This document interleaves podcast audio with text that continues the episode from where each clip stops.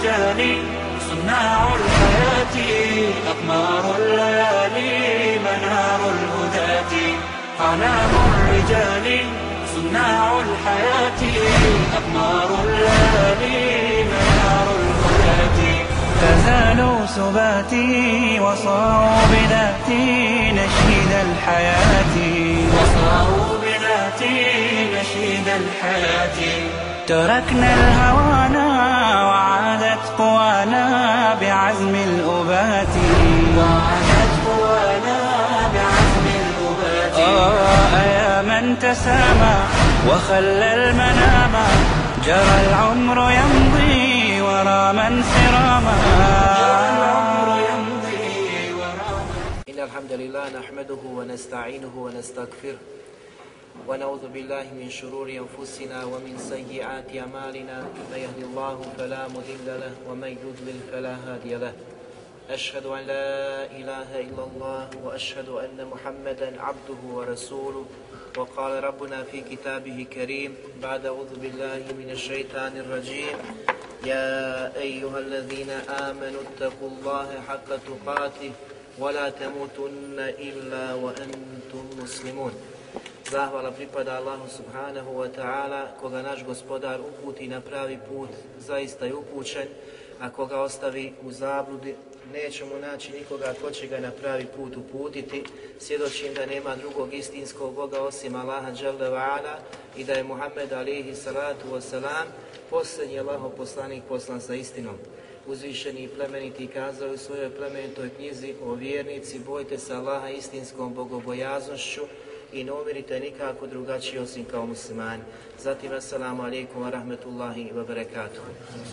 Hvala Allahu subhanahu wa ta'ala koji nas je poživio na dinu i sakupio ponovo na istom mjestu da nastavimo govoriti o ovoj veličanstvenoj nauci, o spoznaji Allaha subhanahu wa ta'ala kroz njegova lijepa, lijepa i savršena svojstva, odnosno lijepa imena i savršena svojstva.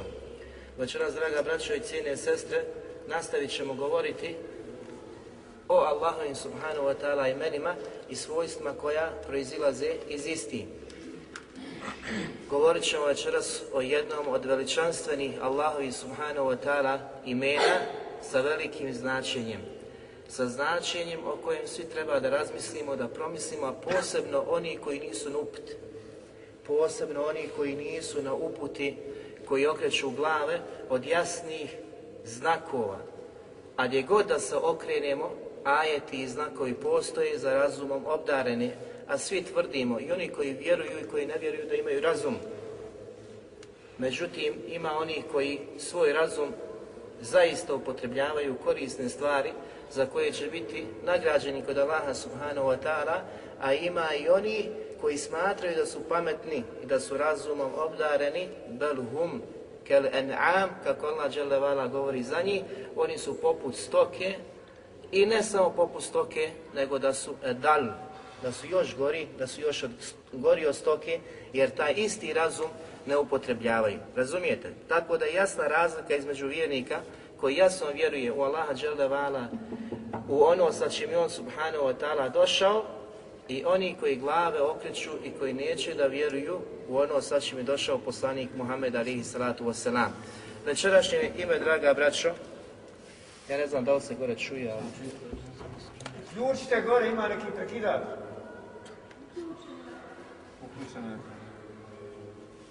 Ja ne znam.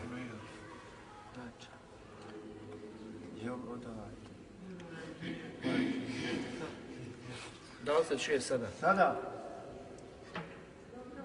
Čuje.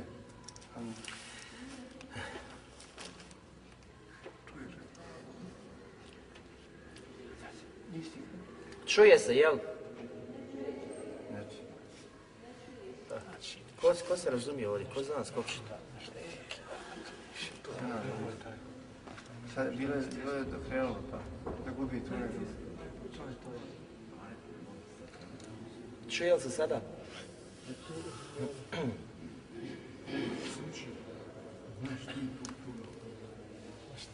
Prođe ako znaš, pogledaj.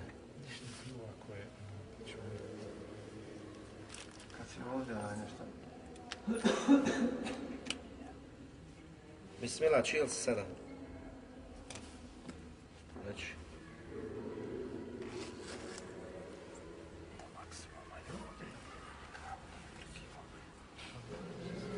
Eto, Subhanallah je provjeravao, kaže da radi.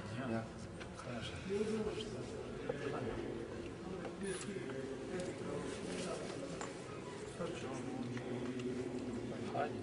Crno kad ste dirali, valjda su Kad sam, kad si dirao to crno, bilo je, bilo je prolazilo, jes? I da nije tu mrda. Čuje se sad? Javi kad se bude čuo. Ajde.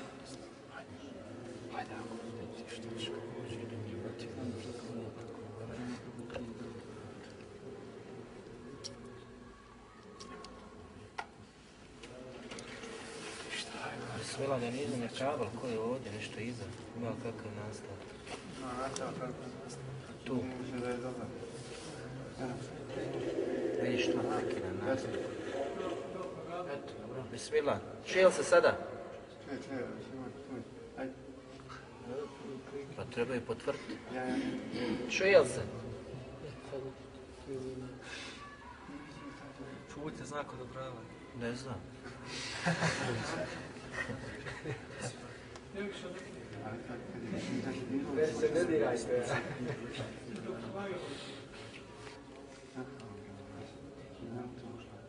Ajde. Tarik neki dan. Šta je radite, vidiš? Razno. Ajde, što?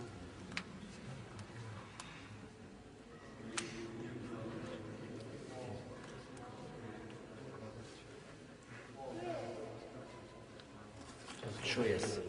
Čuje, čuje.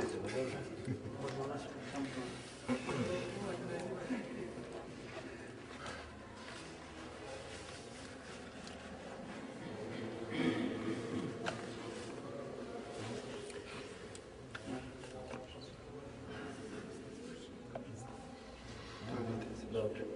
U redu? Bismillahirrahmanirrahim. Nastavit ćemo da večeras, draga braćo i cijene sestre, govorimo o jednom veličanstvenom Allahom Tebare Kevetala imenu koje nosi posebno značenje, nosi jedno veliko značenje o kojem trebamo svi kao vjernici da promislimo i razmislimo, a posebno apelujemo na one koji nemaju vjere pri sebi ili kod sebe, koji neće da vjeruju, koji glave okreću ili oni koji su nedumici, da promisle i razmisle o večerašnjim ajetima i o večerašnjem Allahom Tebare Kevetala imenu, kako bi nakon toga vratili se Allahu Subhanahu wa ta'ala i povjerovali istinskim e, vjerovanjem onako kako to doliko jednom vjerniku da vjeruje Allaha Subhanahu, Subhanahu wa ta'ala. Večerašnje ime jeste El Bedija. El Bedija. Možemo kazati jednom riječju da ono nosi značenje stvoritelj ili tvorac ili jedno od značenja bezprijethodniji. To je na našem jeziku, kako smo mogli vidjeti, koji su pokušali da prevedu ovo Allaho Tebare Kevetala ime, preveli su ga na ovaj način. Međutim, od značenja jeste da je on stvoritelj i tvorac svega stvorenog, odnosno da stvara iz ničega. Iz ničega. I to kad Allah Đelevala stvori, stvori ga bez da je tome prethodio neki oblik. Razumijete? Što bi moglo biti od značenja izumitelj, ako bi se moglo kazati u značenju da se odnosi na Allaha Đalevala. Razumijete? U arapskom jeziku ima značenje izumitelj.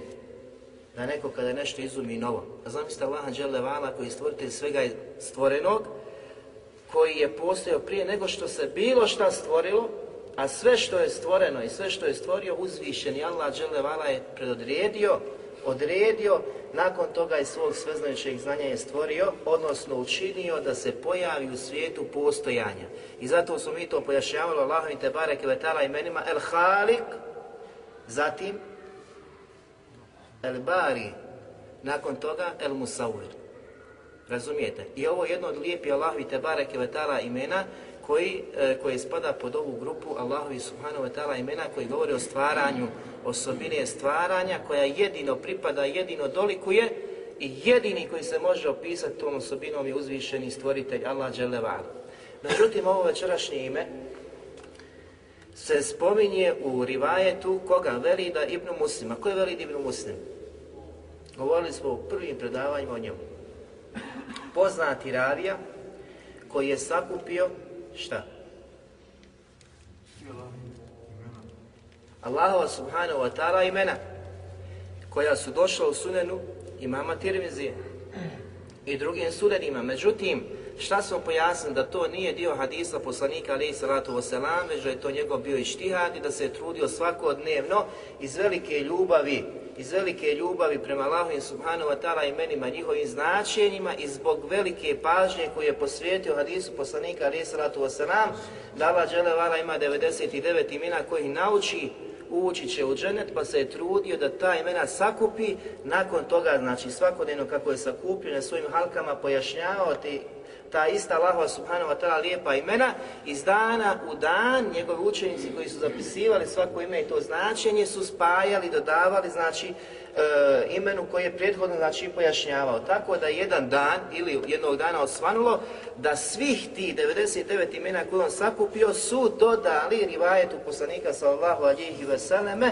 tako da je danas poznato u našim levhama, na našim prostorima i u cijelome svijetu, znači da 99 imena koja uče na pamet, koja uče na pamet smatraju da su to imena koja su došla u Kur'anu i sunetu poslanika sallallahu alihi veseleme, odnosno da ih je poslanik sallallahu alihi veseleme pobrojao, odnosno da je taj hadis dio govora poslanika sallallahu alihi veseleme, a mi smo kazali da je to netačno, odnosno da je to govor koga? Koga? Velida ibn Muslima. I njegov rivajet je opće poznat, najviše je poznat, znači u u svijetu, u svim knjigama ne postoji znači neka knjiga koja govori o Allahu i lijepim imenima, a da se ne vraća na taj rivajet.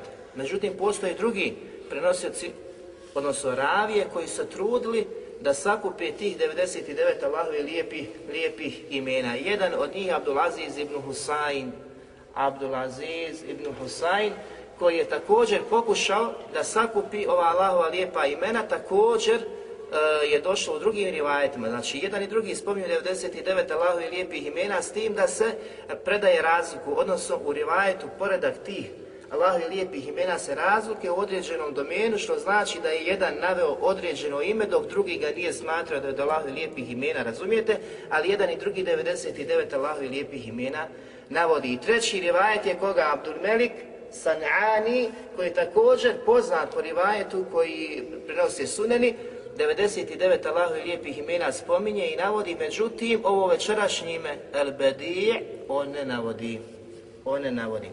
Dok Abdulaziz i Velid eh, ibn Muslim navode ovo večerašnje Allahu te vetala ime koje ćemo pojašnjavati, s tim da imam e, poput Hađ, e, Ibn Hađara također smatra da je ovo jedno lijepi Allahovi te bareke wa ta'ala imena, također smatra imam Kurtubi, i mnogi drugi učenjaci ga smatraju i svi oni koji se bave i koji su pokušali da sakupe i pojasne Allaha lijepa imena navode znači večerašnje Allaho ime jedno od Allahovi subhanahu wa ta'ala lijepih imena.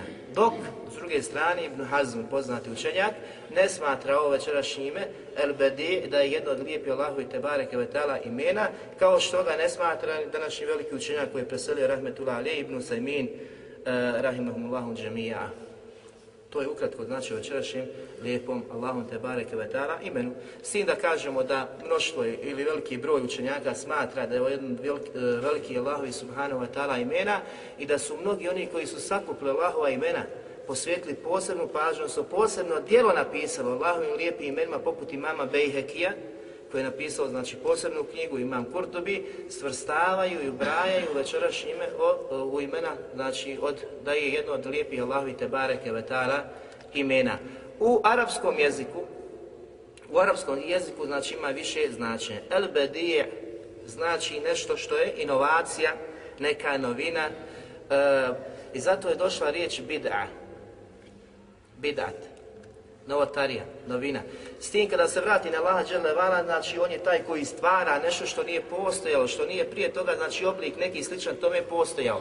Danas ljudi kada pokušavaju nešto da stvore, jer da izmisle koliko se trude. Dok Allah Đelevala vidjet ćemo iz ajeta koji ukazuje na ovo veličanstveno ime i ono što dolazi nakon toga da je njemu subhanahu wa ta'ala lahko bilo šta, bilo šta stvoriti.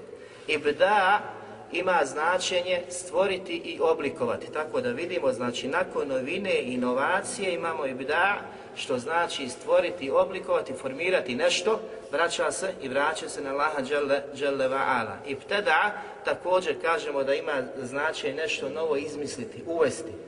I zato je došla novotarija, najopasnija stvar koja je zabranjena u vjeru islamu, da uvedeš nešto od dina što nije od dina i što nije bilo u vremenu poslanika, alaih salatu wasalam i ashaba, znači zabranjena u potpunosti. Vjera Allaha dželle je usavršena, upotpunjena od strane Allaha dželle Poslanik sallallahu alejhi ve sellem je dostavio umetu, podučio je umet svemu onome što je umet bio potreban da se poduči. Pa tako Abdullah ibn Mesud je govorio, draga braće i cijene sestre, da nakon smrti poslanika sallallahu alejhi ve selleme nisu pogledali, nisu vidjeli pticu koja leti u zraku, a da ona nije ukazivala na znanje o kojem je obavijestio poslanik sallallahu alejhi ve selleme ili u drugim rivajetima da je poslanik sallallahu alejhi ve selleme preselio i vratio se svome uzvišenom gospodaru, a umet je podučio kako da se podapiru poslije male i velike, male i velike nužde. Zamislite, kada je o tim stvarima poslanik sallallahu alejhi ve selleme govorio o kamenčićima i broju kamenčića koliko možeš koristiti prilikom potiranja, jel, posle male nužde, šta mislite tek o ovim velikim stvarima koje su znači toliko značajne, koliko su toliko vrijedne, bez kojih čovjek ne može ući u džennet i ne može se začuvati džehennema, a da poslanik sallallahu alihi veseleme nije znači pojasnio put istine i put zablude i zato je kazao da vas ostavljam na jasnom putu čija je noć poput njenog, poput njenog dana. I neće zalutati znači sa tog puta osim Halik, osim onaj koji glavu okrene i koji je sam sebi dozvolio, dozvolio znači da bude upropašćen. Spominjanje ovog uzvišenog Allahovog subhanahu wa ta'ala imena u Kur'anu. Ovo ime, znači, draga braćo i sine sestre, spominje se u Kur'anu, u Kur'anu na dva mjesta. I zato obrate pažnju šta je došlo, odnosno šta će doći prije u Kur'anskog ajeta kada budemo govorili o plodovima spoznajem ovog velikog imena i kako se ajeti završavaju. Prije svega u suri Bekare, 117. ajetu, mi ćemo pojasniti 116. ajet u nastavku. Allah kaže, Bedi'u samavati wal ard stvoritelj nebesa i zemlje. وَإِذَا قَضَى أَمْرًا فَإِنَّمَا يَقُولُ لَهُ كُنْ فَيَكُونَ Stvoritelj nebesa i zemlje. Zamislite su nebesa i zemlja. On uzvišeni te barek je stvoritelj i nebesa i zemalja. S tim da nakon toga Allah dželevala kaže, a kada on dželevala želi nešto da odredi, samo kaže budi i ono biva. Znači kada razmislimo o vasioni, svemiru i svemu onome što se nalazi u njima, o zemlji, što je u zemlji, iznad zemlje, ispod zemlje, subhanala, Allah, dželevala je stvrde svega toga, pa onda ukazuje koliko je to njemu lahko. Kada odluči nešto da učini, samo kaže budi, budi ono biva. Subhana. Znači veličanstven, uzvišen, el azim, stvoritelj Allah dželevala koji je sve ovo skladno, skladno stvorio, vidjet ćemo značenja šta su kazali učenjaci po pitanju velikog imena. Zatim u suri Al-An'am u 101. majetu Allah vala kaže Badi'u samavati wal ard on uzvišen je stvoritelj nebesa i zemlje. Pa nakon toga kaže Enna kunu lehu valadun wa lam takun lehu sahibe.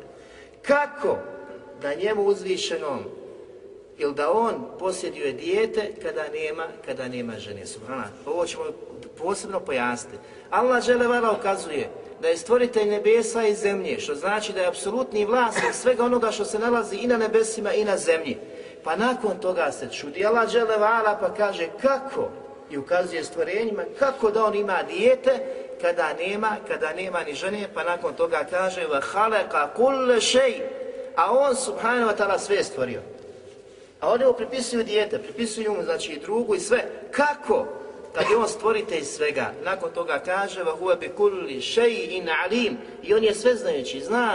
Subhanahu wa ta'ala posjeduje apsolutno znanje o svemu stvorenom, sve što je stvorio u tančine zna. U tančine poznaje, znači sve stvoreno dobro on subhanahu wa ta'ala subhanahu wa ta'ala poznaje. I zato je znači nakon ovoga jako bitno zašto Allah dželevala kaže da je stvoritelj nebesa i zemlje, a nakon toga negira, negira da ima dijete, da negira da ima drugu ili nešto kada njemu sve to pripada, on malikul mulk, kome pripada apsolutna vlast, sve vlasti zemlje, dunjaluka, prolaznog, e, nebesa, ahireta, sve Allahu dželevala se vraća i on je, znači, taj apsolutni vlasnik.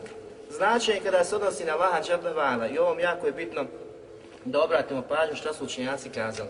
Ezdađađ rahmetullah alejhi kaže Bedi'u samavati wal ard i on je stvoritelj nebesa i zemlje pa kaže on rahmetullah alejhi time je želio uzvišeni Allah dželevala ukazati da je on jedini stvoritelj nebesa i zemlje. Koliko danas postoji ljudi koji se pitaju odakle, kako, kako je otpočelo, kako se je pojavilo, razumijete? Koliko danas postoji ljudi koji postavljaju ta pitanja? Allah dželevala u Kur'anu jasno kaže i ovo je knjiga La rejbe fi, knjiga u kojoj nema u kojoj nema nikakve sumnje. Na početku Allah Đelešanu pojašnjava. Tako da onom ko ima razum, ko shvati i razumije Allaha dželevala, njegovu veličinu, njegovu snagu, njegovu moć, poput večerašnje ajeta i ajeta kojima govorimo, će mu biti tako lahko i e, lahko shvatljivo, znači da shvati i da razumije da je on subhanahu wa ta'ala stvoritelj, da je on stvorio i nebesa i zemlju i da je njemu kao takvom veličanstvenom, velikom, uzvišenom, moćnom, silnom i snažnom lahko da stvori sve ovo što se danas vidi, što mi možemo primijetiti koliko je znači onoga što je gaib, nevidljivo, koliko se danas tek planeta, razumijete, svaki dan gotovo se nešto pojavljuje, vidjeli smo neku novu planetu, nešto novo se otkrilo, razumijete, da li ima života tamo, da li nema. Ne, nepoznanica, gaib, možda Allah Đelevala otkrije od tog znanja nešto, da ljudi shvate da vidi. Znači ima nešto što se vidi, nešto što se ne vidi. Koliko je onoga što se vidi, a ukazuje na moć, veličanstvo Allaha Đalevala, a koliko, koliko ima onoga što se ne vidi, ali će se može u nekom vremenu e, saznati nešto o tome, pa ćemo doći neki novi informacije, što će ukazati još na veću veličinu i moć, uzvišenost Allaha te bareke, te bareke ve ta'ala. Ibn Kesir rahmetullah alijih kada govori o ovom ajetu Badi'u samavati wal ard, stvoritelj nebesa i zemlje, kaže Znači da on stvara bez prethodnog primjera. Nebesa kada je stvorio nisu postojala, razumijete? Zemlju kada je stvorio nisu postojala, nešto slično tome, nešto prije toga da je postojalo, pa da se ono kopira, razumijete? Ne uzubila se Allahu Đelevala, pripiše to. Danas ljudi kada, jel, dođu do nekog e, otkrića, nečega, ili su pokušali da kopiraju, razumijete, u nekom smislu, imaju neku osnovu, odakle počinju, dolazi do zaključka, do nekog novog otkrića, ili ne, dok Allah Đelevana stvara, a da prije toga ne, nešto nije postalo slično tome, da primjer toga nije bio, nije postojao, Allah Đelevana lahko mu je subhanahu wa ta'ala, znači bilo šta stvori šta god on subhanahu wa ta'ala poželi. Zato on subhanahu wa ta'ala toliko je moćan, i mudar u svom govoru da pojašnjava kada bi mora bila mastilo, tinta, a sva, e, sva stabla zemlje kada bi bila kalem, pero da zapiše njegove riječi ne bi zapisao, mora presahnula. Allah dželala toliko je mudar, sveznajući, da bi mogao znači govoriti govoriti toliko da bi mora tolika, znači presahnula ne bi zapisala riječ uzvičnog Allaha subhanahu wa ta'ala. Tako je on subhanahu wa ta'ala moćan u svim svojim osobinama u svim svojim osobinama, pa znaju se tek njegove moći u stvaranju, u stvaranju, znači koju on posjeduje Allah te bareke vetala.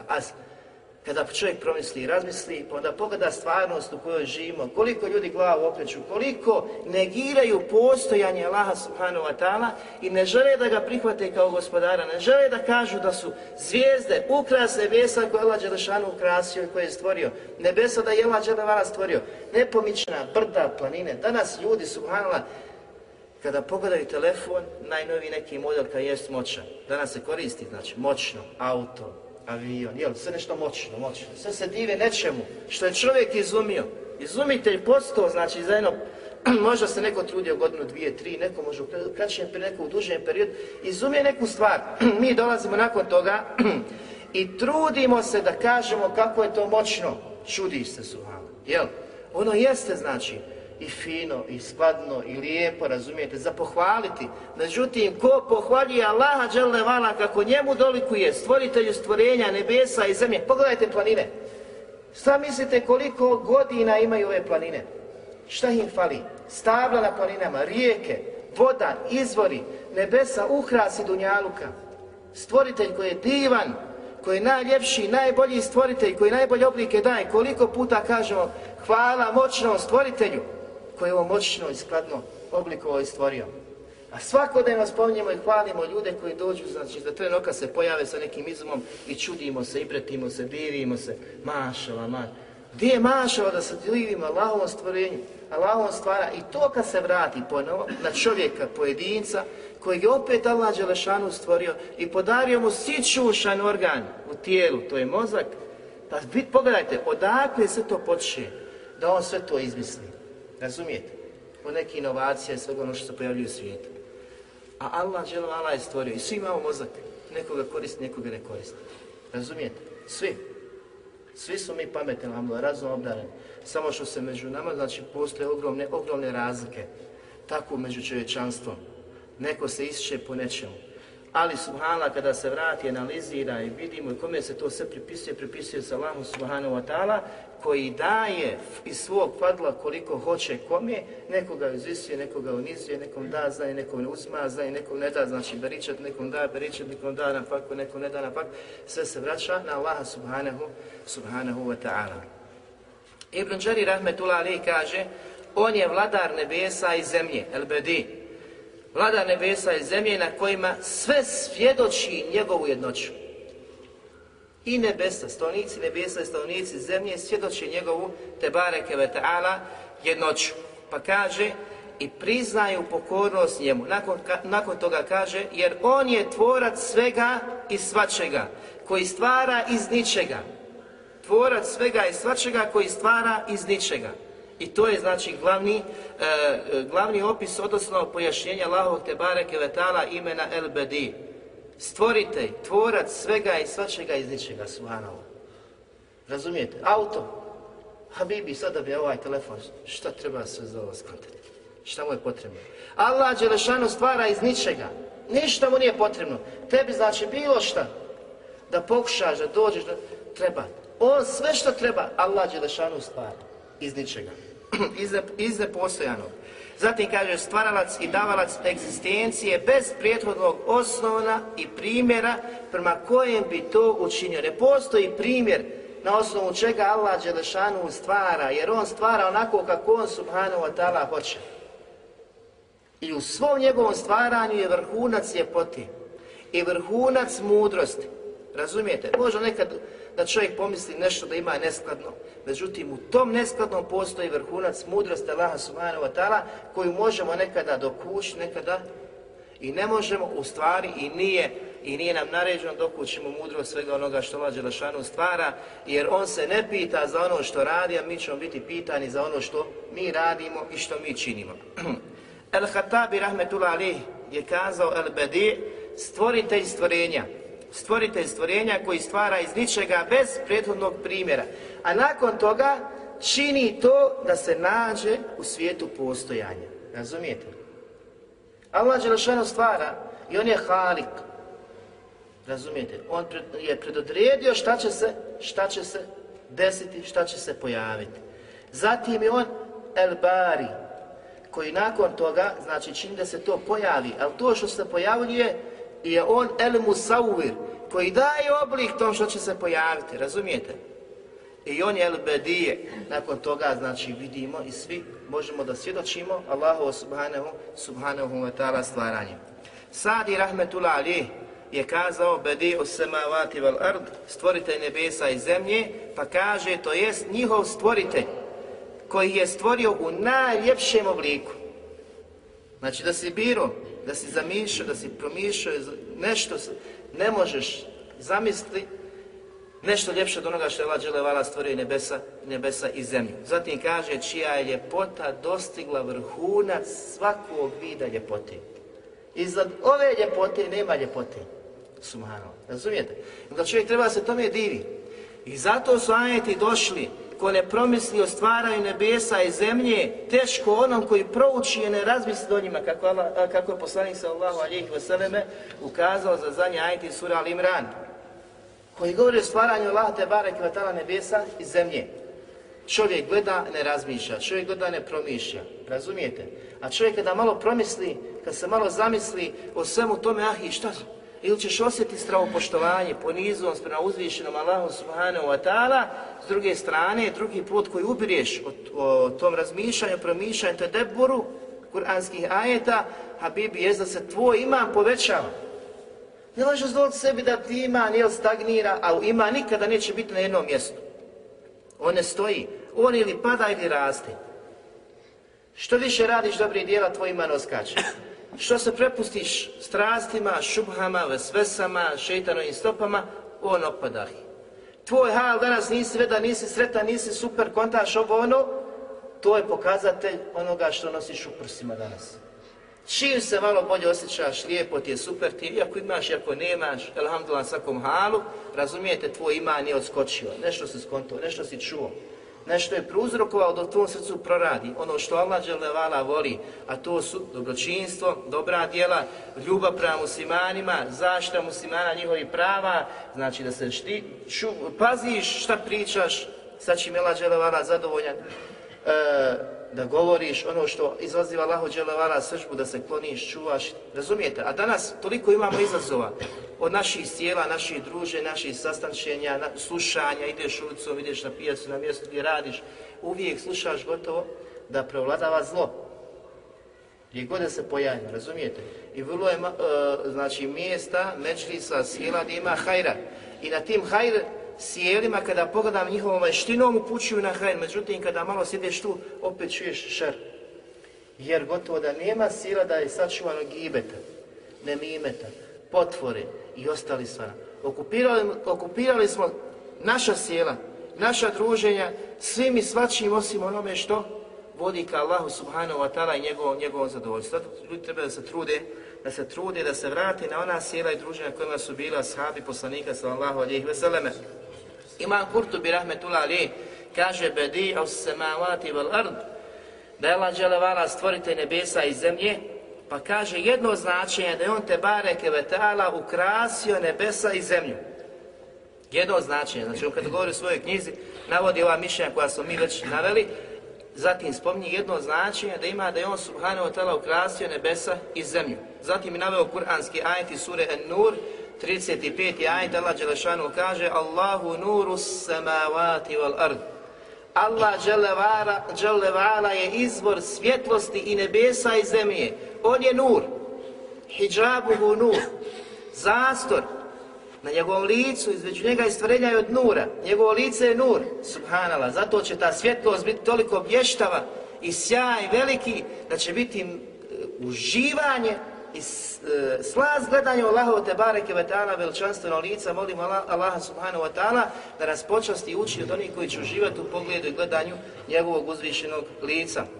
Zato ovdje u ovom kuranskom ajetu, odnosno pojašnjava Imam Kurtubi, da je označenja Bedi, da je on ukrasio nebesa i zemlju kao što je dao svjetlost nebesima i zemlji. On je izvor te svjetlosti, on daje tu svjetlost. Nakon toga kaže Imam e, Kurtubi, da nebesa i zemlja opstoje njegovom voljom. Znači prije toga da je on stvoritelj nebesa i zemlje, da je svjetlo nebesa i zemlje, a zatim da nebesa i zemlja opstoje njegovom, njegovom tebare kvetala voljom, pa kaže on je taj koji je ukrasio i nebesa i zemlju.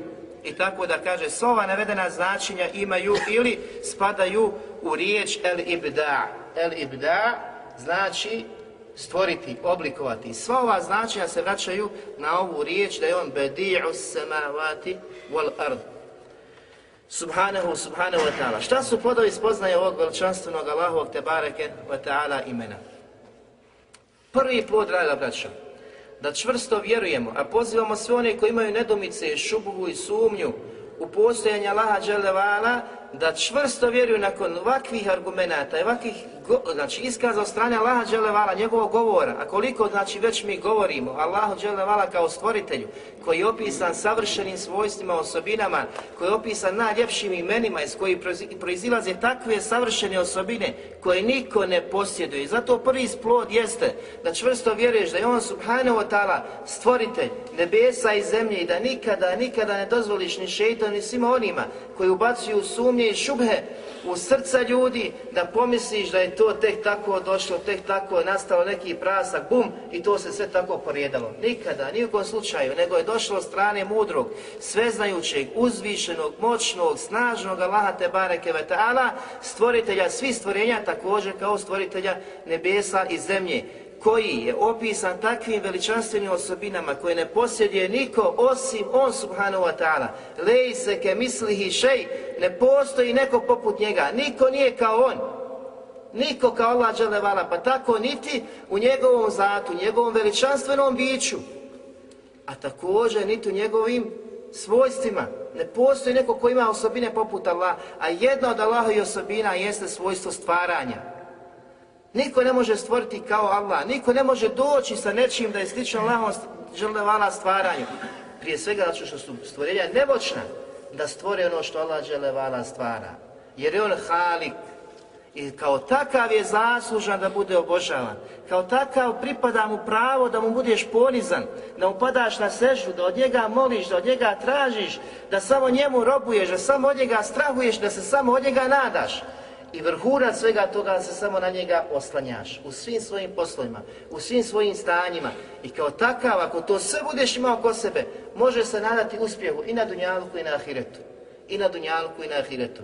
Svi oni koji nemaju ove stvari navedene pri sebi, moraju da ih izgrađuju, moraju znači da se vraćaju na ono čemu su bile prve generacije. Prve generacije bili, bili su na ovakvim uvjerenjima, na ovakvim stavovima, na ovakvom ubiđenju, jekinu, jasnom, gdje nije bilo šubije, nisu dozvoljavali, nek su oni bili ti koji se naturaju i drugima davete, a nisu čekali da drugi njima davete, da drugi njih pozivaju delalet, nego su oni imali nur, koji je od Allaha Đelevala došao, kitab koji je mubin, jasna knjiga, došao od onoga koji je mubin, jasni i očiti, sa knjigom jasnom i očitom, preko poslanika jasnog i očitog, sa ajetima jasnim i očitim, prepunih znakova, došlo je čovječanstvu.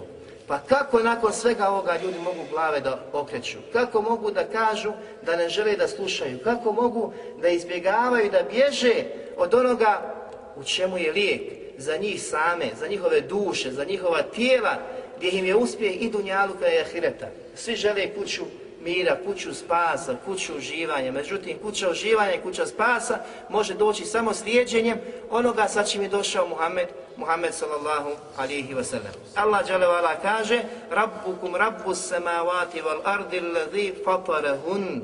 Allah gospodar Rab je onaj isti gospodar koji je stvorio nebesa i zemlju. To je vaš gospodar koji je stvorio nebesa i zemlju i ono što je u njima.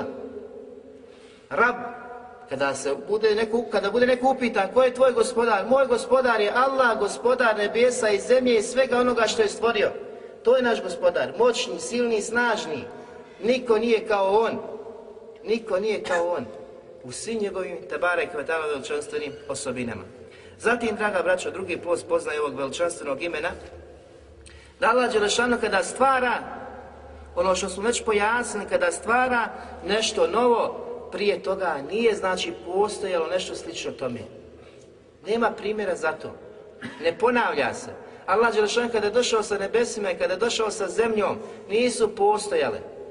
I to ukazuje njegovu veličinu, na njegovu snagu, na njegovu moć, na njegovu uzvišenost, u svakom pogledu. Čovjek kada promisli, samo se malo vini sa avionom u visine, subhanallah. Koji je osjećaj?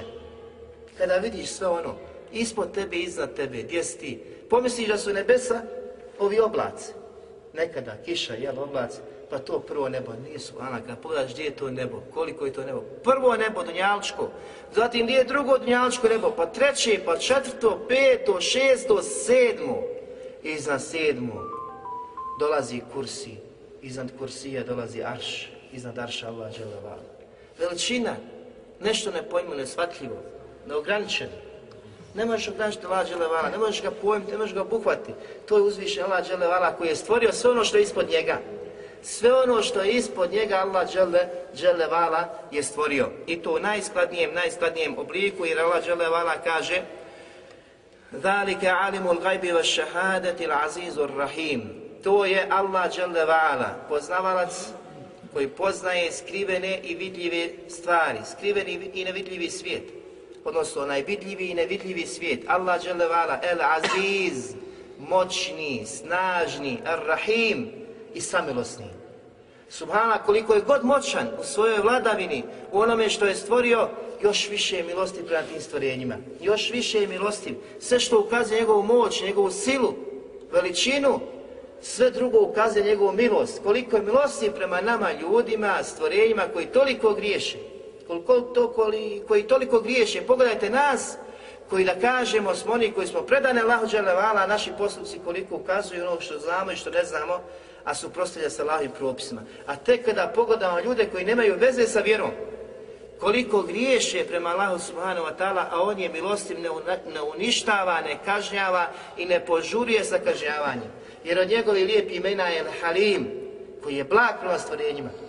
Daje im šanse, daje im život, pruža im nove mogućnosti, da se vrate i pogledamo vrhunac mudrosti svega toga, da čovjek radi možda grijehe 50-60 godina, nakon toga se vrati Allahu dželevan. I ubice ubijeni u džennet, kaže poslanik Ali Slatu Kafir ubio muslimana, musliman šehid. Ode u dženevska prostranstva. On kao kafir ubio muslimana. Šta se dešava nakon toga? Nakon toga prolazi vrijeme, prolaze dani, godine se on još više čini djela kufra, nevjerstva i porisputi muslimana. Ali dođe trenutak, Allah žele vala ga uputi. Uputi na hajr, postane musliman, zatim stupi u redove muslimanske vojske, počne se boriti i preseli ko šehid. I ubica i ubijeni u džennet, gdje će uživati u vladu, znači zadovoljstvo Allaha dželevala u svim ono, onim stvarima koje je pripremio za iskrene vjernike. Pa zamislite susreta između ubice i ubijenog u džennetu. Ali to Allahov hik, hikmet, Allahova mudrost, el hakim. Niko nije kao on. To ne možeš pojmiti, ne možeš shvatiti danas da ti neko ubije nekoga u familiji. Koliko je veliko znači da mu oprostiš, da ne dođe do kisasa odmazde. Koliko je to veliko, razumijete? I teško čovjeku. Allah džele vala koliko oprašta, koliko prelazi. I ono što kada oprosti više se ne vraća, te posjeći, a to su radi, to su radi. A mi, znači, uvijek se vraćamo na to. Zatim Allah Đelešanu kaže Elazi ahsane kulle šeine halaqa koji u najljepšem obliku sve stvara. Sve što je stvorio, u najljepšem obliku je stvorio. Uzvišen je Allah te bareke vetala. Zato Allah Đelešanu kaže Fetebareke Allahu ahsanul khaliqin i neka je uzvišen i slavljen veličanstveni Allah Đelevala koji najljepše, najljepše stvara. Čovjek kada promisli, kada razmisli o svemu ovome što Allah Đelevala i o nama samima, kada pogledaš kako si skladno stvoren, šta sve posjeduješ, razumijete, od ovih čula osjetila, o osjetilima samo kad čovjek razmisli. Veličinu i uzvišenost Allaha subhanahu wa ta'ala. I zato treba čovjek da bi se malo vratio, da bude svjesniji, da promisli o sebi. Da promisli o svojim organima. Kako ga je Allah dželevala skladnim učinio? Šta mu je sve podario? Ko je taj stvoritelj koji je tako skladno učinio? Da fekcera, znači dan i noć srce radi. Koja će to mašina toliko raditi? Ali tu mašinu čovjek izmislio. Dok srce i te organe Allah dželevala je učinio. Iz ničega. Šta su bili? Šta si bio? Šta si bio?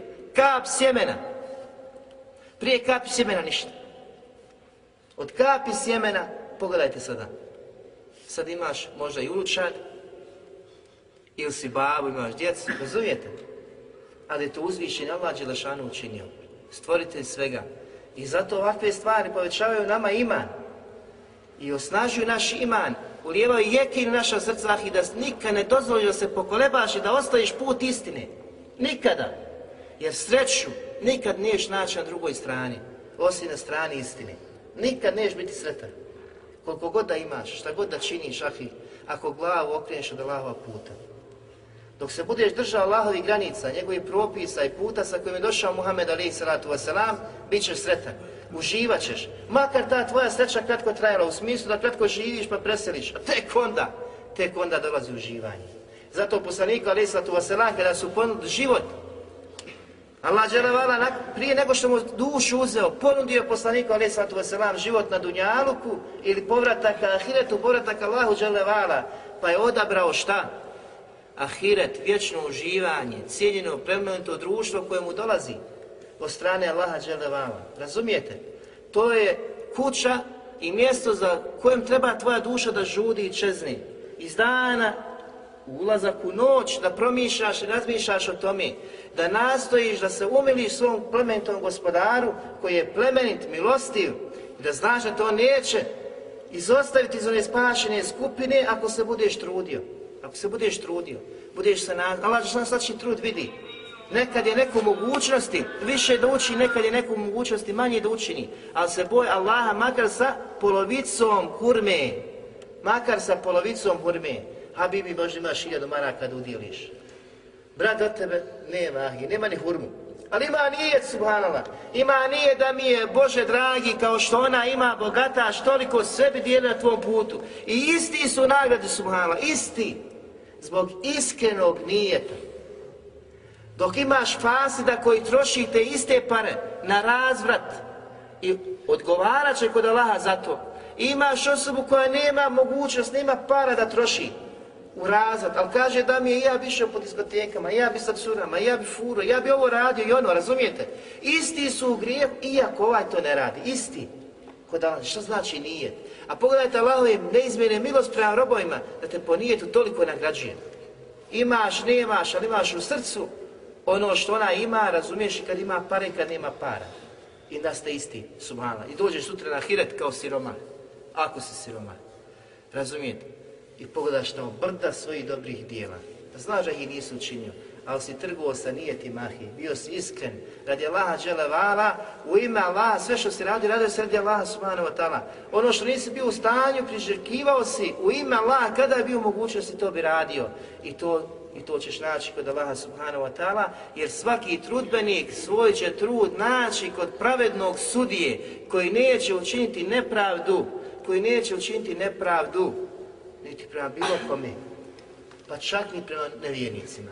Oni koji su, znači, nevjerstvu lutali, koji su ga vrijeđali, koji su ga psovali. Ni prema takvim Allah dželevala neće, neće učiniti nepravdu.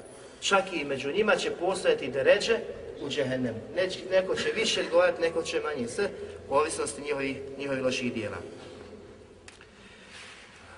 Sljedeći put, draga braćo, jeste da uzvišeni Allah dželevala spominje ovo svoje veličanstveno ime u ajetu za kojeg učenjaci kažu da je odgovor kršćanima i mnogobožcima koji opisuju Allaha subhanahu wa ta'ala da ima, znači sinove, da ima djecu ili da ima kćeri. Razumijete? Za meleke su govorili šta? Da su to kćeri. Allaha subhanahu wa ta'ala, a kršćane, odnosno židovi i jevrijeji govore za Isa da je sin, da je sin Boži, odnosno da je uzer sin, sin Boži, neka Allah žele vala čist i uzvišen od ovakvih tvrdnji. Allah subhanahu wa ta'ala kaže وَقَالُوا تَحَذَ اللَّهُ وَلَدَ I oni govore Allah žele vala je uzeo sebi dijete. Subhane, on sam govori, sam se veliča i slavi. Neka je uzvišen veličanstven Allah žele vala od takve tvrdnje. Zar može neko biti toliko, znači, hrabar i drzak da kaže takve krupne riječi, da Allah dželle vala je uzeo sebi, sebi dijete. Pa on sam se veliča i slavi subhane. Zatim kaže, bel lehu ma fis samavati wal ard. Ne, njegovo je sve i što je na nebesima i na zemlji subhane. Zar si probrao od svega toga što je Allah Đelešanu stvorio? Sve što je na nebesima, sve što je na zemlji, kažeš ima dijete. A sve je njegovo vlasništvo. Sve pripada Allahu subhanahu wa ta'ala. On stvoritelj. Zar se može neko naći ko je ravan Allahu dželevala? Ne postoji, znači neko ko je ko on, subhanahu wa ta'ala. Njemu pripada sve, stvoritelj svega, i nebesa i zemlje i svega onoga što je na nebesima na zemlji. Kulun lehu qanitun. I sve što je i na nebesima i na zemlji, njemu robuje, njemu je pokorno. Htio ti to prihvatiti ili ne, ti si pokoran Allahu dželevala, učini sebe da ne spavaš, šahi. Učini se. Ne možeš, znači. Mora se pokoriti Allahovim sunenima, njegovim zakonima koji učine Dunjaluku. San će te savladati. Pi pilule koliko god hoćeš. Doći trenutak, opet mora zaspati. Znači, mora se pokoriti. Pokušaj da izbjegneš smrt. Nemoguće. Jer je Allah odredio. Pokušaj bolest da izbjegneš. Ne, jer je Allah Đelešanu odredio. Pokušaj steći metak. Ako ti ga Allah uskrati, nikad ga neš steći. Razumijete? To su suneni Allaha Đelevala na Dunjaluku za svakog pojedinca i zato su svi pokorni u Allahovom kaderu, u njegovoj odredbi. Niko nije u stanju da uzvrati ili odbije Allahovu dželevala odredbu koja se spušta na, na stvorenja. Zatim Allah Đelešanu nakon ovog kuranskog ajeta, gdje znači on subhanahu wa ta'ala ukazuje na tvrdnju nevjernika, da opisuju da on ima dijete, on je negira subhanahu wa ta'ala, ukazuje da je on uzvišen i veličanstveni za njihovi tvrdnji. Zatim ukazuje da je on gospodar apsolutni nebesa i zemlje i svega što je u njima. Da je on stvoritelj nebesa i zemlje i svega što je u njima. I da je sve to njemu pokorno, kaže nakon toga Bedi'u semavati wal ard. I on je stvoritelj nebesa i zemlje. A čovjek promisli, da razmisli, šta to ti pripisuješ Allahu Đelešanu? Šta si se umislio? Ko si, šta si? Da li imaš dokaz od Allaha Đelešanu? Da je on to ukazao? Nemaš. Allah Đelešanu se čisti, uzvišen od toga. Pripisujemo osobine majkavosti, a on opisan osobinama savršenstva. Razumijete? Nema potrebe za tim. Zatim kaže Allah Đelevala وَإِذَا قَدَا أَمْرًا فَإِنَّمَا يَقُولُ لَهُ كُنْ فَيَكُونَ A on koji je gospodar i stvoritelj nebesa i zemlje, kada samo nešto odredi, kaže budi, kun, fekun. Budi ono biva. Znači pogledajte snagu, moć, uzvišenost Allaha subhanahu wa ta'ala da samo to kaže i to na kraju biva. Veličanstvenost Allaha subhanahu wa ta'ala, moć u svakom pogledu i onda vidite koliko su zalutali oni koji pripisuju Allahu dželevala djecu, dijete, znači ili kćeri. Koliko su daleko od spoznaja Allaha subhanahu wa ta'ala, koliko su daleko od spoznaje veličine Allaha subhanahu wa ta'ala, jer da su ga spoznali istinskom spoznaju nikada to ne bi tvrdili.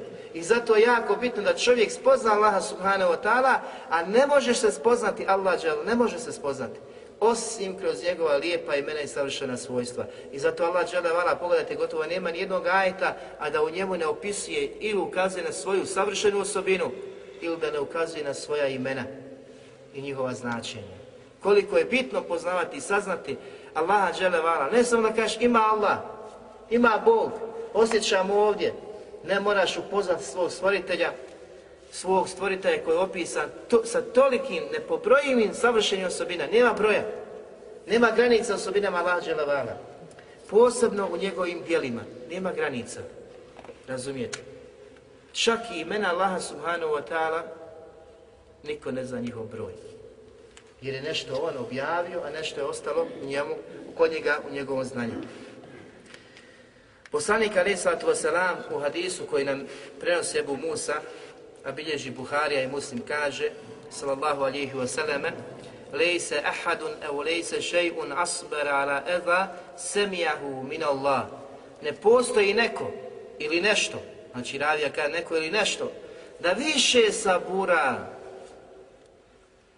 na mus, uh, ezijetima koje čuje od Allaha subhanahu wa ta'ala. Ovi ezijeti su širk, vrijeđanje, psovanje, nepokornost Allahu subhanahu wa ta'ala. Ne postoji neko ko više sabura. Ah i danas kad ti kaže neko nešto, sutra, možda danas se sabura, sutra niješ, preko, znate. Allah žele vala svakodnevno, pogledajte koliko samo crkvi ima, šta se radi u tim crkvama, koliko ljudi ima koji širk čine, koji obožavaju kipove, lažna božanstva. Koliko ima nepokorni, koliko ima oni koji prelaze granicu Allaha te bareke vetala, koji griješe. To čovjek ne može ni pojmiti. Koliko se sad u ovom trenutku grijeha čini na zemaljskoj kugli. A Allah dželevala sve to gleda, sve to motri i ne požurije sa kaznom. A kaže nakon toga poslanik sallallahu alihi wasallam innahum la yad'una lahu walada. I nakon toga što je zijeta Allah dželevala, oni mu još pripisuju dijete. A pogledajte rezultat svega toga. Kaže poslanik sallallahu "Va innahu la yu'afihim wa yarzuquhum." A on nakon svega toga i daje im na faku, hrani ih, brine se o njima i liječi ih. Daje im zdravlje, brine se o njihovim tijelima. Znači ti mušnici, mnogobosi, nevjernici, griješnici, kad pogledaš je zdrav, jel? Allah je podario zdravlje u tijelu, jede i pije, uživa u blagodatima Allaha dželevala i nakon toga opet Allaha dželevala vrijeđa sa svojom nepokornošću, odnosno ovdje konkretno je došlo, znači pripisujući mu dijete, neka je uzvišen Allah subhanahu wa ta'ala od tvrdnji koje mu pripisuju nevjernici. Zatim Allah Đelešanu kaže u suri Marijem u 93. majetu do 95 kullu man fis samawati wal ardi illa ati rahmani abda. I ova tri ajta koja ćemo citirati su jako bitne da se promisla njima. Znači ne postoji bilo ko ili neko ko živi na nebesima na zemlji, a da neće doći pred milostivog kao rob. Kao rob. Neće biti silnika, oholnika. Svi će doći ponizni, predani Allahu dželevala na sudnjem danu. Pa kaže Allah dželešanu, lakad ahsahum wa addahum adda. A on je sve njih dobro upamtio i sve njih pobrojao. Subhana, danas kad čovjek ode na fakultet, pa znate, profesor sad ima stotinu studenta. Pojma nema ono, ko su, šta su, ne poznaje. Onaj se potpisuje za onoga, jel, ti znaš, jel tu, potpisuje se ovo, ono, zna, a on nije tu. I tako mogu prevariti. Zavarati profesora. Međutim, na sudnjem danu, subhanallah, Allah žele vala garantuje da je pobrojao i da je upamtio sva svoja stvorenja, sve što je stvorio. Niko neće izostati, svaki pojedinac će doći i stati. Allah Đelešan će znati da je tu. Moći Allah Đelevala. Pogledaj stvorenje, njegovog kapaciteta pamćenja. Sto studenta ne može upamtiti. Tek da zna njihove osobine šta radi. Allah Đelevala sve to zna. To su veličanstveni ajit na koje Allah Đelešan ukazuje. Pa kaže وَكُلُّهُمْ آتِيهِ يَوْمَ الْقِيَامَةِ فَرْضًا I svi na sudnjem danu će doći pojedinačno. Pojedinačno, ah, i nema hranitelja. Ma kodas, danas ideš šepuriš se, štitete, jel, ispred tebe, iza tebe, sa strane, niko te može prići. Na sudnji dan, ahi, i ako si bio takvi, ako si bio dovakvi ili onakvi, doćeš kao pojedinac i tvoje stanje, Allah dželevala će znati da si tu, da stojiš. I taj dan će biti tegoban, težak dan, posebno za nevjernike. Posebno za nevjernike. Za lice mjere. Biće težak i za vjernike. Jer će vjerovjesnici tog dana govoriti Allahu dragi, samo spas, spas, spas. Dok ne dođe, ili dok ne dođu do poslanika Muhammeda alaih sallatu kojem pripada šefat, odnosno veliki šefat. Svi će, se, svi će strahovati, svi će, svi će se plašiti. Znam kao vjernik kada bude strahovao tog dana, šta tek očekivati onaj koji ne vjeruje Allaha subhanahu wa ta'ala, koji negira stvoritelja nebesa i zemlje i svega onoga što je u njima. Čemu će se nadati? Zato su ovi ajti, veličanstveni ajti, da čovjek promisli i razmisli, da na Dunjalu, a Bibi, kogod da te okružuje, s kim god da si, ma kakva ti je porodca, svi oni imaju svoja prava. Svi oni imaju svoja prava. Ali najveće pravo koje treba da gledaš je Allahovo pravo. Jer te porodca neće pitati zašto, kako kad si ti glavni u porodci, jel? Međutim, kod Allaha dželevala ćeš biti pitan. I morat ćeš mu odgovoriti. Šta si činio? Šta si radio? Čemu si svoj život posvijetio? Ko ti je, ili šta ti je prioritet u životu bilo na Dunjaluku? Razumijete? Zato nemoj da propustimo ovu priliku koju nam je Allah Đelešanu dao. Priliku koja kratko traje, da bi zaslužili vječnost. A vječnost ne može se zasluži da se preskoči ovo stanje ahireta. Stanje drugog svijeta, tvoje smrti, pa nakon toga ideš direktno. Ne, ahi, kabur, azabi u kaburu, proživljenje, pa sve što se dešava na proživljenju, pa tek nakon toga sirat, hoš uspjet, niješ uspjet prijeći. I tada će biti ispit. Pa ulazak, odnosno dolazak pri vrata dženeta, pa nakon toga ulazak. E za taj trenutak čovjek treba da se trudi, kada na tim vratima dženevskim bude tolika gužva, a između jednog štoka vrata dženeta i drugog, kao između Mekke i Šama. Allahu ekber. I kaže poslanik Aresa, tog dana će biti velika gužva na ulazu u dženet. Dženetlija kog će biti suha. Razumijete? Znači nije nešto malo pa čovjek treba se radije tim trenucima, da živi za te trenutke, ali da zna da dženet ne dolazi tek tako, nego kroz veliki, veliki trug, veliko, veliko na, na dunjalku.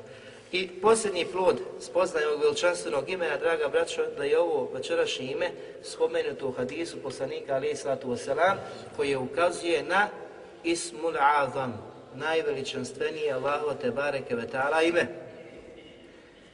Kaže poslanik alaih sallatu wasalam, prije svega od Enesa radi Allahu, da je sjedio sa Allahovim poslanikom sallallahu alihi wasallame, a nekakav čovjek je klanjao i proučio sljedeću dovu. A nakon te dove, kada je poslanik sallallahu alihi wasallame čuo, kazao je velike i veličanstvene riječi. Kaže, da je taj čovjek izgovorio Allahumma inni as'aluke bi enne lekel hamd Allahu dragi, ja te molim i od tebe tražim, jer čvrsto vjerujem i ubjeđen sam da tebi pripada svaka hvala. Allahu akbar. Pogledajte početka dove. Zatim kaže La ilaha ila ent. I nema drugog Boga koji se obožava, kojem se ibade čini osim tebi. Ti si jedin istinski Bog. To je jekin koji je izgovorio u ovoj dovi ovaj čovjek. Zatim kaže nakon toga Entel mennan badi'u samawati wal ard. El menan, Allahu dželle vala lijepo ime. U drugom rivajetu došlo entel hanan wal menan. O tim imenima ćemo govoriti njihovom značenju. Zatim je kazao nakon menana badi'u samawati wal ard. Pa nakon toga kaže Ja dhal jalali wal ikram Ja hayyu ja qayyum Sva Allahova imena Mislim u ovom hadisu navedena Allahova određena imena nakon toga poslanik sallallahu alihi wasallam kaže Laka da Allahe bismihi azam Zaista je ovaj čovjek dovio i dozivao Allaha dželevala sa njegovim najvećim imenom najuzvišenijim imenom Allahova dželevala su sva imena lijepa i sva imena su mu uzvišena ali postoji jedno ime koje se znači odlikuje na ostalim Allahovim te bareke taala imenima kao što je došlo u hadisima i drugim hadisima koje smo navodili prije. Pa kaže poslanik sallallahu alejhi ve selleme on je molio Allaha dželle vala sa najuzvišenijim Allahovim dželle vala imenom, pa kaže iza du'iye bihi ejab kada se Allah dželle vala tim imenom doziva Allah takvom robu se odaziva. Kada se Allah Đelešanu pozove takvim imenom, Allah Đelešanu mu se odaziva. Pa kaže nakon toga va iza su ile bihi a'ta. A kada se nešto tim imenom od Allaha dželle vala traži, on mu to da. Razumijete? Ko je naučio ovu dobu? Samo da on završavamo. Znači veličanstvena dova koju bi trebao svaki od nas da poznaje i zna, posebno svi mi imamo hađe i potrebe kod Allaha dželle vala i svi smo ovisni o Allahu subhanahu wa ta'ala, on uzviše ovisan od stvorenja, dovimo svakodnevno, pa tako znači bi bilo lijepo da naučimo ovu dovu, da je kažemo, da zovemo i prizivamo Allaha dželevala ovim veličanstvenim imenima. U ovom, znači, redoslijedu ovdje je došlo više Allahovi te bare kvetala imena, ali jedno od ovih imena je Ismun Azam. A jedno od imena koje je spomenuto Bedir, Bedir osamavati, stvorite nebesa i zemlje. Molim Allah dželevala da nas uputi na pravi put, da nas učini od pravi iskreni Allahovi te bare kvetala vjernika, istinskih boraca za njegov din, da nas poživi na istini, usprti na istini, da nas izvede sa ovoga dunjaluka, da je on te bareke vetala zadovoljan s nama, da uputi nas, naše porodce, našu djecu, naše potomstvo, da oprosti nama, našim roditeljima, da uputi naše neupućene, da ujedini naša srca na istini, da ujedini naše safove, da zbliži naše safove na istini, da neprijateljstvo, mržnju i prezir izbaci iz naših srca prema muslimanima, da nas učini iskrenim svojih robova, da pomogne subraću u cijelome svijetu muslimana, posebno braću, braću u Siriji, subhanak Allahum, hamdik, ašhedu la ilaha ila estakfiruka, tubu, ilaik, vađe zakum, Allah,